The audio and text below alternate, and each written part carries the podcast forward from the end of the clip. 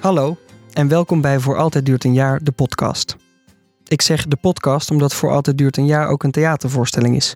Maar daar vertel ik straks meer over. Mijn naam is Simon Heijmans en ik ben op onderzoek gegaan in liefdesland. Want aan de ene kant willen we allemaal de grote liefde en zullen we voor altijd bij elkaar blijven.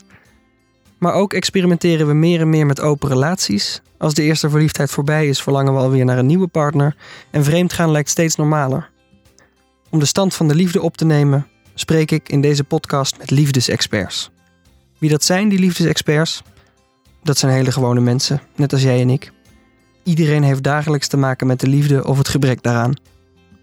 Er is geen controlegroep, er zijn geen placebo's of blinde tests, dus voor altijd duurt een jaar is een onderzoek zonder enige wetenschappelijke waarde, maar met een groot hart. Ik spreek met mensen die de liefde op een bijzondere manier hebben vormgegeven. Misschien heb je er wat aan. Dan mag jij het weer op je eigen manier doen. In deze eerste aflevering spreek ik Bianca.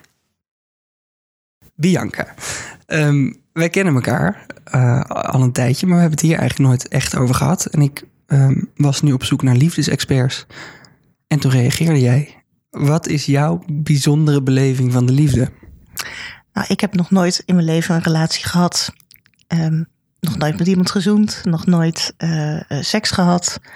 Uh, niks. Ja, dat hoor je goed. En dan zou je kunnen denken dat Bianca zo'n vrouwtje is met heel veel boodschappentassen... die de hele dag scheldend rondjes door het winkelcentrum loopt. Of dat je in haar huis niet kan lopen omdat ze sinds 1970 elke week de libellen heeft bewaard. Maar ik ken Bianca als een leuk iemand die makkelijk contact maakt. En voor zover ik weet heeft ze een leuke baan, een grote vriendenkring. Dus ik stel haar de vraag die, zoals ze me later vertelt, iedereen stelt. Waarom niet? Ik denk in wezen dat het zo is gelopen. Jemig. Um, er zijn vroeger wat dingetjes gebeurd, wat kleine dingen, wat met wat, wat verschillende manieren. Uh, toen was ik eigenlijk nog te jong, maar wel al slim genoeg om te zeggen: hé, hey, dit klopt niet, stop daarmee. En toen heeft mijn uh, brein klaarblijkelijk besloten: uh, dit uh, is niet oké en mannen willen iets van je wat jij niet wil. Dus in eerste instantie heb ik toen eigenlijk geleerd om afstand te nemen en afstand te houden. En op een gegeven moment word je zo oud dat je denkt, nou nu wordt het gewoon een beetje raar. ook gewoon om tegen mensen te zeggen, hey, joh, ik heb nog nooit een relatie gehad. Ik ben nu dik in de 30, ondertussen dus dik in de 40.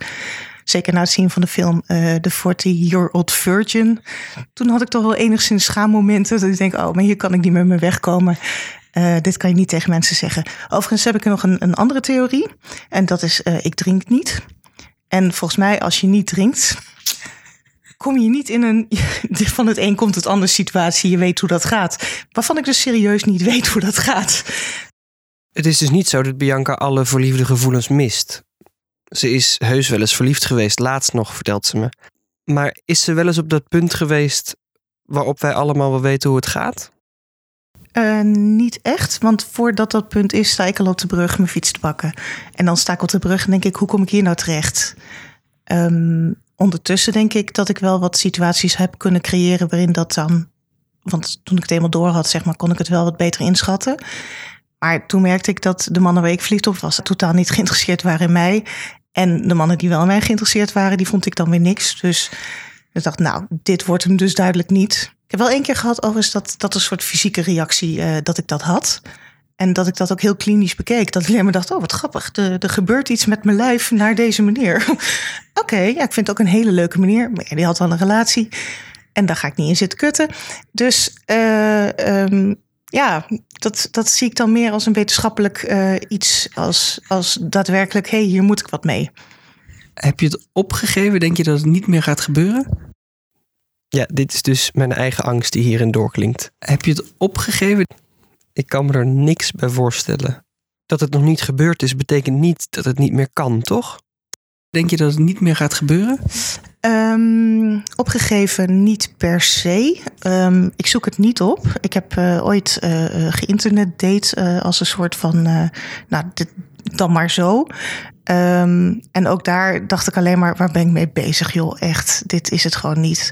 Ik denk sowieso dat ik heel slecht zou zijn in het delen van mijn huis. Nou, delen van mijn huis. Nee, echt het delen van mijn huis, denk ik. Ja, de, nergens rekening mee moeten houden of hoeven te houden. Met, met kerst, Sinterklaas, weet ik veel wat. Gewoon je eigen plan kunnen trekken. Op de bank kunnen liggen wanneer je dat wilt. Uh, inderdaad, nergens voor hoeven zorgen, behalve voor jezelf. Is uitermate uh, prettig. En, en weinig opofferingsgezind misschien, maar in, en misschien wat egoïstisch. Maar um, het heeft iets heel erg praktisch en rustigs. En, uh, en voor mij zit dat wel oké. Okay. Dus aan de ene kant, ja, de wereld is wel gemaakt om niet in je eentje te zijn. Um, ja? Ja, ja. Voorbeeld, uh, ik was een keer s'nachts van de trap geflikkerd. En toen had ik echt pijn. Um, en um, het was een, een, warme avond geweest, dus ik had niet heel veel kleren aan. En ik dacht dat ik niet meer kon lopen. Dus ik lag onderaan de trap en ik dacht alleen maar toen: nu ga ik dood, want niemand gaat mij vinden. Ik weet niet, ik kan niemand bereiken. Nu had ik iemand nodig gehad die uh, me dan had opgetild of zo en kleren had aangetrokken en naar het ziekenhuis had gebracht.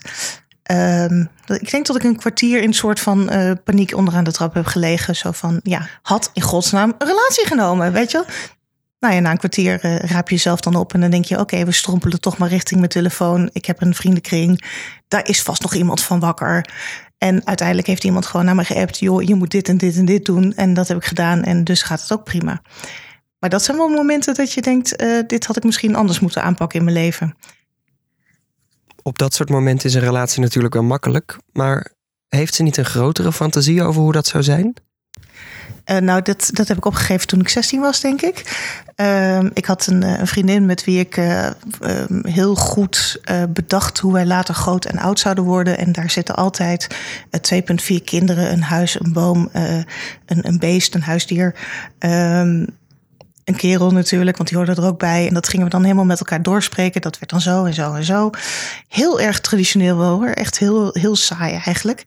Uh, zij heeft dat uh, ondertussen. Ik heb ook heel lang uh, op, op momenten dat ik of jarig was of zij jarig was... of met oud en nieuw ben ik in een depressie geschoten... omdat ik dacht, ja, haar is het wel gelukt en mij godverdomme niet. Zo ben wel opgevoed. Sterker nog, zo zit de wereld wel een beetje in elkaar. Um, ik denk dat als je naar een restaurant gaat, om eens iets te noemen, het volkomen duidelijk is dat je dat op zijn minst met z'n tweeën moet doen. Uh, theaterbezoek, liefst met z'n tweeën. Alles is, is gebouwd op twee of meer. Ik ben er even op gaan letten en ze heeft wel gelijk. Veel dingen zijn in elk geval leuker met z'n tweeën. Maar ligt het ideaal dan bij de mensen met een relatie of, of zit het ook nog wel in Bianca zelf? Nee, ik denk dat ik ondertussen wel op een punt ben dat ik er niet echt meer in geloof dat het nog gaat gebeuren. Maar ik heb niet de hoop opgegeven. Of als het, ik weet niet eens of het hoop is. Um, ik denk dat ik um, eerder. Ik moet hier echt even over nadenken. Um, ja, nee, iets, iets in je lijf doet alsof het niet zo mag zijn of zo. En uh, ik ben er echt heel goed in en ik ben er echt heel blij mee eigenlijk. Zo, dat zei ik hardop. Uh, er is zoveel gedoe met, uh, met vrienden en kennissen die wel een relatie hebben. Ik heb geen gedoe. Ik, ik heb dus de theorie dat jij eigenlijk de, de beste um, relatiekenner bent. Pippi Lankhuis heeft ooit gezegd: Ik heb het nog nooit gedaan, dus ik denk dat ik het kan. Uh, wat zie jij gebeuren om je heen bij mensen met een relatie waarvan je denkt: uh, Doe dat niet, dit gaat mis, doe het nou eens zo. Of Bianca echt een gouden tip heeft, dat hoor je zo meteen. Maar eerst wil ik je even vertellen over de theatervoorstelling met dezelfde titel als deze podcast. De voorstelling voor altijd duurt een jaar vertelt het verhaal van Erik. Als hij net bedrogen is door zijn ex-vriendin, ontmoet hij op een nacht in de stad het meisje Pim. Pim doet hem een voorstel. Ze zullen vanaf dat moment precies een jaar bij elkaar blijven. Misschien wordt het verschrikkelijk, maar ook dan moeten ze het een jaar proberen omdat de liefde alle kans verdient. En misschien wordt het fantastisch, maar ook dan stoppen ze op het hoogtepunt. Daarna wordt de liefde werken, moeite doen, zegt Pim. Aan de hand van dit verhaal ga ik met mijn publiek in gesprek over de grote liefdesvragen die Erik en Pim tegenkomen. De verhalen en visies die ik daaruit verzamel, hoor je dan weer terug in de podcast. Wil je erbij zijn? Dat kan en dat hoop ik heel erg. De speellijst van de voorstelling staat op www.simonheimans.com ik ben in januari en februari 2018 in Amsterdam, Rotterdam, Utrecht, Den Haag, Haarlem, Culemborg en Den Bosch. Ik hoop je dan te zien. Yes. En dan nu terug naar Bianca met een paar relatietips. Want misschien staan de beste stuurlui wel echt aan wal. Nou, ik probeer zo min mogelijk eh, ehm, tegen mensen te zeggen hoe ze hun leven moeten inrichten. Vooral op dit gebied, want ja, weet ik veel. Ehm, maar We zijn nu stiekem onder elkaar. Dus precies, we zijn stiekem onder elkaar en 20.000 luisteraars. niemand gaat het horen. Alleen mijn moeder en de buurvrouw. D- er zijn relaties die ik zie en ken waarbij ik echt denk, nou, dit is echt helemaal top. Jullie communiceren met elkaar. En, maar goed, dat is natuurlijk wat ik te zien krijg bij die mensen. En ik weet ook genoeg over relaties die stuk zijn gelopen op den duur. Dat dat alleen maar was op het moment dat ze met anderen waren. Dus ja, hoe leuk is het echt dan? Dat weet ik niet. Eh, ik zie ook relaties dat ik denk, hoe vaak praten jullie überhaupt nog met elkaar? Ehm, en problemen met kinderen worden niet besproken. eh, gevoelens ten opzichte van elkaar worden niet besproken. Maar ja, die persoon is er dan wel. En dat is dan jouw man of vrouw. En weet ik veel wat. En oh, oh, oh, wat zijn wij gelukkig. En daar hebben we dan de eerste liefdesles van deze podcast. Blijf in godsnaam communiceren. Ja, of niet. Maar eh ben het daar dan wel in ieder geval met elkaar over eens. Ehm, ik denk als je eh, een, een relatie hebt waarbij je echt niet met elkaar praat. eh, over essentiële dingen. Dus ook dat blijven durven. Dan gaat er volgens mij iets mis. Maar goed, ik kan makkelijk praten. Want ik hoef met niemand te praten, behalve met mezelf. En eh, ook daarin kan je jezelf nog een soort van voor de gek houden. Dat je denkt, nou als ik dit maar negeer, gaat het vanzelf wel weg. Eh, en ik denk dat mensen in relaties dat ook heel erg doen. Zo van, nou, dit, dit vind ik niet zo leuk, maar ik heb het er maar niet over. Dan wordt het groter en groter en groter. En op een gegeven moment dan denk je, kerel val dood. Of, of vrouw, zei ik niet zo. Eh, en daar heb je dan ook een punt, want dan had je er eerder over moeten beginnen. Ik heb een tante en een oom gehad die, eh, ik denk, 80 jaar bij elkaar zijn geweest. Nee, dat kan niet. 60 jaar bij elkaar zijn geweest. En op een gegeven moment zo klaar waren met elkaar. Dat ze, als ze kwamen, op bezoek kwamen, dat de eh, man eh, in de keuken ging zitten met mijn vader om daar te mopperen over zijn vrouw. En de vrouw in de huiskamer ging zitten met mijn moeder om te mopperen over hem. En denk ja, als je 60 jaar bij elkaar bent, dan is het misschien ook wel een beetje klaar.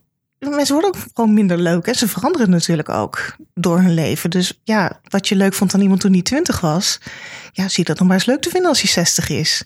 Kan het, denk je? Kun je een eeuwige relatie hebben? Kun je een liefde voor het leven hebben? Ik denk het wel, want het gebeurt natuurlijk eh, nog steeds wel. Ik denk wel dat eh, het hele, eh, het bijna Disney-mentaliteit, zeg maar. Het, eh, en ze leven nog lang en gelukkig. Dat daar eigenlijk het verhaal van Disney zou moeten beginnen. Dat gaat namelijk niet zomaar. En er gaat heel veel nou ja, communicatie, heel veel slikken, heel veel oké dan. Ehm, als je dat ervoor over hebt en je blijft aardig en lief tegen elkaar, dan kan je het absoluut tot aan het eind van je leven met elkaar eh, volbrengen. Volbrengen, is dat een woord? Nou ja, dan, dan hou je dat in ieder geval vol, die, die, eh, die liefde. En dan denk ik ook wel dat het oprecht en echt is. Ehm, maar als jij denkt van, hey, ik word verliefd, ik, eh, de, de, de Disney-mythe, zeg maar. Oh, en ze leven nog lang en gelukkig, denk ik, nee. Nee, daar ga je werken. Het is echt niet makkelijk. De moeilijkheden zien bij mensen zonder er zelf mee te maken te hebben, dat lijkt me best oké. maar als Bianca nou twee hele gelukkige mensen ziet, Ik heb eh, eh, serieus met vrienden wel eens gehad dat ik tegen ze zei: Ik doe nu een beetje naar tegen je, maar dat is omdat ik jaloers ben. Ehm, ook dat gaat dan op een gegeven moment wel een beetje wringen en dan ben ik weer blij.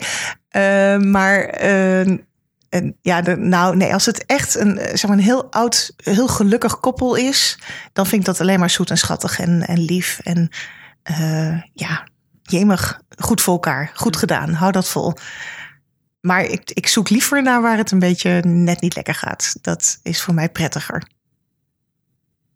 en dan speelt mijn eigen voorstellingsvermogen me weer parten. Een leven zonder ooit een romantische verbinding aan te gaan. Ik, ik kan er niet bij. Dus ik vraag Bianca of als er een magische pil bestond die al haar blokkades weg zou nemen, of ze die dan zou willen hebben, of is het echt wel goed zo? Ik denk dat het echt wel goed is. Ehm, durf dat niet met zekerheid te zeggen. Dit jaar is het echt wel goed. Volgend jaar, eh, ik weet niet. Ehm, nee, het ligt er echt aan wanneer je me spreekt. Het is, eh, nou, ik nu al een jaar of vijf dat het wel oké is, denk ik. Heb je de, de, nou ja, wat door iedereen wordt dan gezien als de lege plek in je leven? De man die niet eh, op de foto staat. Heb je die plek in je leven opgevuld met andere dingen?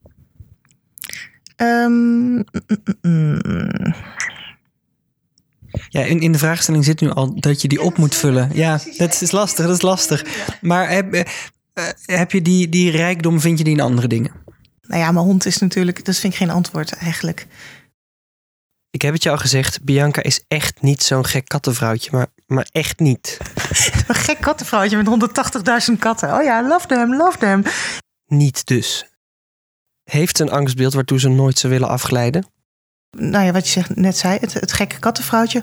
Of in mijn geval eh, een, een kennis van mijn ouders die heel lang alleen is geweest nadat ze wel een relatie had gehad, maar die man is overleden. Eh, die kon er kop niet houden als ze in gezelschap was. Eh, constant blijven babbelen, aandacht, aandacht, aandacht. Ik heb iets te vertellen, luister naar mij, luister naar mij. Ik hoop echt dat ik nooit in een situatie kom waarbij mensen alleen maar denken: Oh god, heb je haar weer? Die begint weer te babbelen. Ik krijg de neiging om Bianca te gaan uitleggen hoe leuk het is in de liefde. Hoe geweldig een relatie kan zijn. Dat ze het echt een keer kosten wat kost zou moeten proberen. Maar dat is dus precies wat iedereen doet. Mijn moeder heeft ooit eens gezegd over mij: gelukkig heeft ze die hond, want dan heeft ze tenminste iemand. Dat was wel zo'n beetje het pijnlijkste wat ik heb gehoord uit de mond van mijn moeder. Uh, maar laatst uh, heeft ze dus gezegd: en ik denk dat het wel goed is dat je geen relatie hebt. Um, ik denk dat familieleden het heel erg lang heel raar hebben gevonden. Uh, er is ook nog een soort van mythe over mij heen ontstaan dat ik waarschijnlijk dan wel lesbisch zou zijn. Op het moment dat je zegt: ik heb nog nooit een relatie gehad en ik ben 44, uh, dan nog ouder, dan vinden mensen dat toch vreemd. Daar, dat, huh? Hoezo? Je bent toch een leuke meid, je ziet er aardig uit. Uh, hoezo niet? Ja, laten we die vraag nou eens beantwoorden. Hoezo niet? Wat zijn de mooie kanten van het niet hebben van een relatie? Is het aan te raden misschien? Ik denk dat je daadwerkelijk door het niet hebben van een relatie uh, hele mooie momenten mist. Maar dat wil niet zeggen dat je geen, geen liefde hebt of of dat je die gevoelens niet kan delen met andere mensen. Ik denk dat, dat omdat je uh, niet je liefde richt of je energie richt op één persoon, dat het makkelijker is om veel meer mensen lief te vinden. Dus kan ik het aanraden, alleen zijn? Hmm. Als je er tegen kan om alleen te zijn, uh, denk ik dat het voor heel veel mensen heel veel rust geeft. Ik weet niet of het voor iedereen werkt. En dat vind ik echt heel lastig. Nee, ik denk dat heel veel mensen het gewoon niet aandurven. En ook echt niet kunnen. Dus eigenlijk ben ik een hele sterke vrouw, besef ik nu ineens. Leuk man.